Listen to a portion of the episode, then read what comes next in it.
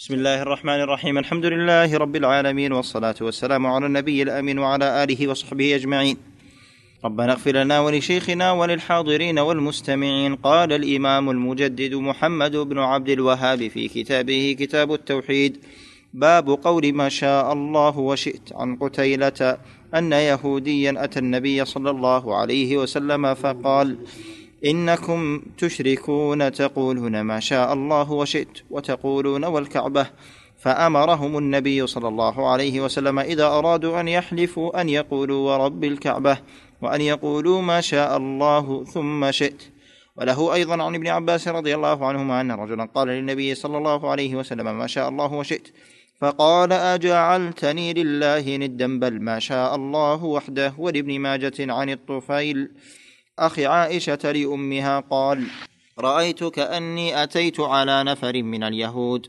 قلت إنكم لأنتم القوم لولا أنكم تقولون عزير ابن الله. قالوا وإنكم لأنتم القوم لولا أنكم تقولون ما شاء الله وشاء محمد.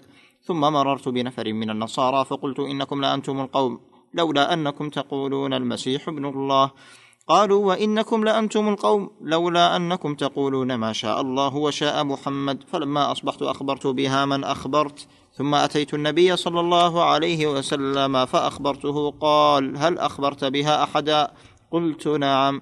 قال فحمد الله وأثنى عليه. ثم قال أما بعد فإن طفيلا رأى رؤيا أخبر بها من أخبر منكم. وإنكم قلتم كلمة كان يمنعني كذا وكذا أن أنهاكم عنها. فلا تقولوا ما شاء الله وشاء محمد ولكن قولوا ما شاء الله وحده. بسم الله الرحمن الرحيم. الحمد لله رب العالمين. صلى الله وسلم وبارك على نبينا محمد وعلى آله وأصحابه أجمعين. وهذا باب فيه تأكيد ما قبله من الأبواب بابين الأولين اللذان قبله وهو أن العبد لا يقول ما شاء الله وشئت.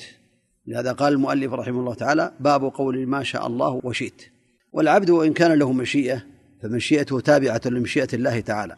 ولا قدرة له على شيء إلا أن يشاء الله تبارك وتعالى ذلك.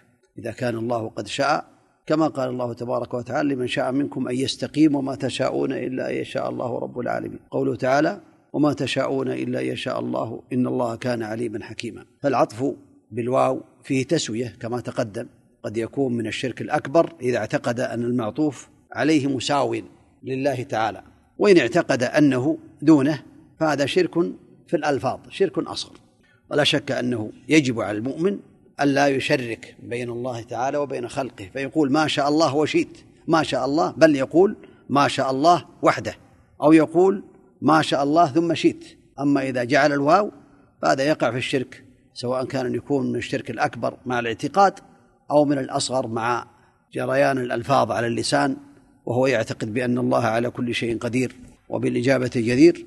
الخلاصة أن هذا الباب فيه شبه من البابين السابقين وبالله التوفيق وصلى الله وسلم وبارك على نبينا محمد. سم. قال الإمام ابن باز في شرحه لهذا الباب أراد المؤلف بيان حكم قول ما شاء الله وشاء فلان وما أشبه ذلك وأنه يجب أن يقول ثم فلان وهذا هو مقتضى التوحيد والإخلاص وفيه كمال التوحيد والبعد عن الشرك دقيقه وجليله فحكم هذا أنه لا يجوز.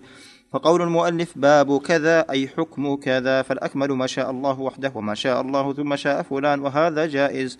وما شاء الله وشاء فلان لا يجوز وهو من الشرك الأصغر ومنقص للتوحيد وهكذا أمثاله.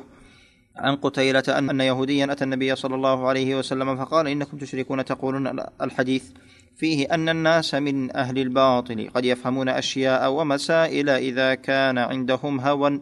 وإذا كانوا هم واقعون في ذنب وفسق وكفر أعظم من ذلك ولهذا عاب اليهود على المسلمين لما في قلوبهم من الغيظ والحقد على الرسول صلى الله عليه وسلم. وقد أصابوا في قولهم ولهذا أمرهم النبي صلى الله عليه وسلم أن يقولوا ما شاء الله ثم شئت وأن يقولوا ورب الكعبة. وله أيضا عن ابن عباس رضي الله عنه أن رجلا قال النبي صلى الله عليه وسلم ما شاء الله وشئت الحديث. أجعلتني لله ندا وفي لفظ أجعلتني لله عدلا. ولابن ماجة عن الطفيل أخي عائشة لأمها قال رأيت كأني أتيت الحديث. إنكم لأنتم القوم لولا أي أنكم تستحقون المدح لولا قولكم كذا. قوله وكان يمنعني كذا وكذا في رواية وكان يمنعني الحياء أن أنهاكم عنها. أي لأنه لم يأتي فيها من الله نهي. فإنما جاءت الرؤيا فكانت سببا للمنع ونزل الوحي بمنعها وأن يقولوا ما شاء الله وحده. يعني لو أمر الله تعالى النبي عليه الصلاة والسلام بذلك وأوحى إليه لما سكت عنه عليه الصلاة والسلام ولما كتب ولكنه لم يوحى إليه بذلك حتى حصلت هذه القصة. نعم. لأنه لا ينطق عن الهوى إن هو إلا وحي يوحى. نعم. وقد ورد فيما أخرجه الشيخان في قصة الأعمى والأبرص والأقرع قال فلا بلاغ لي اليوم إلا بالله ثم بك وهذا هو الواجب. وهذا القول ما شاء الله وفلان من الشرك الأصغر وقد يكون من الأكبر إذا أراد أن له أشياء مستقلة يتصرف فيها. نسأل الله لنا ولكم العلم النافع والعمل الصالح والتوفيق لما يحب ويرضاه وصلى الله وسلم وبارك على نبينا محمد وعلى آله وأصحابه أجمعين وبارك الله فيكم وجزاكم الله كل خير.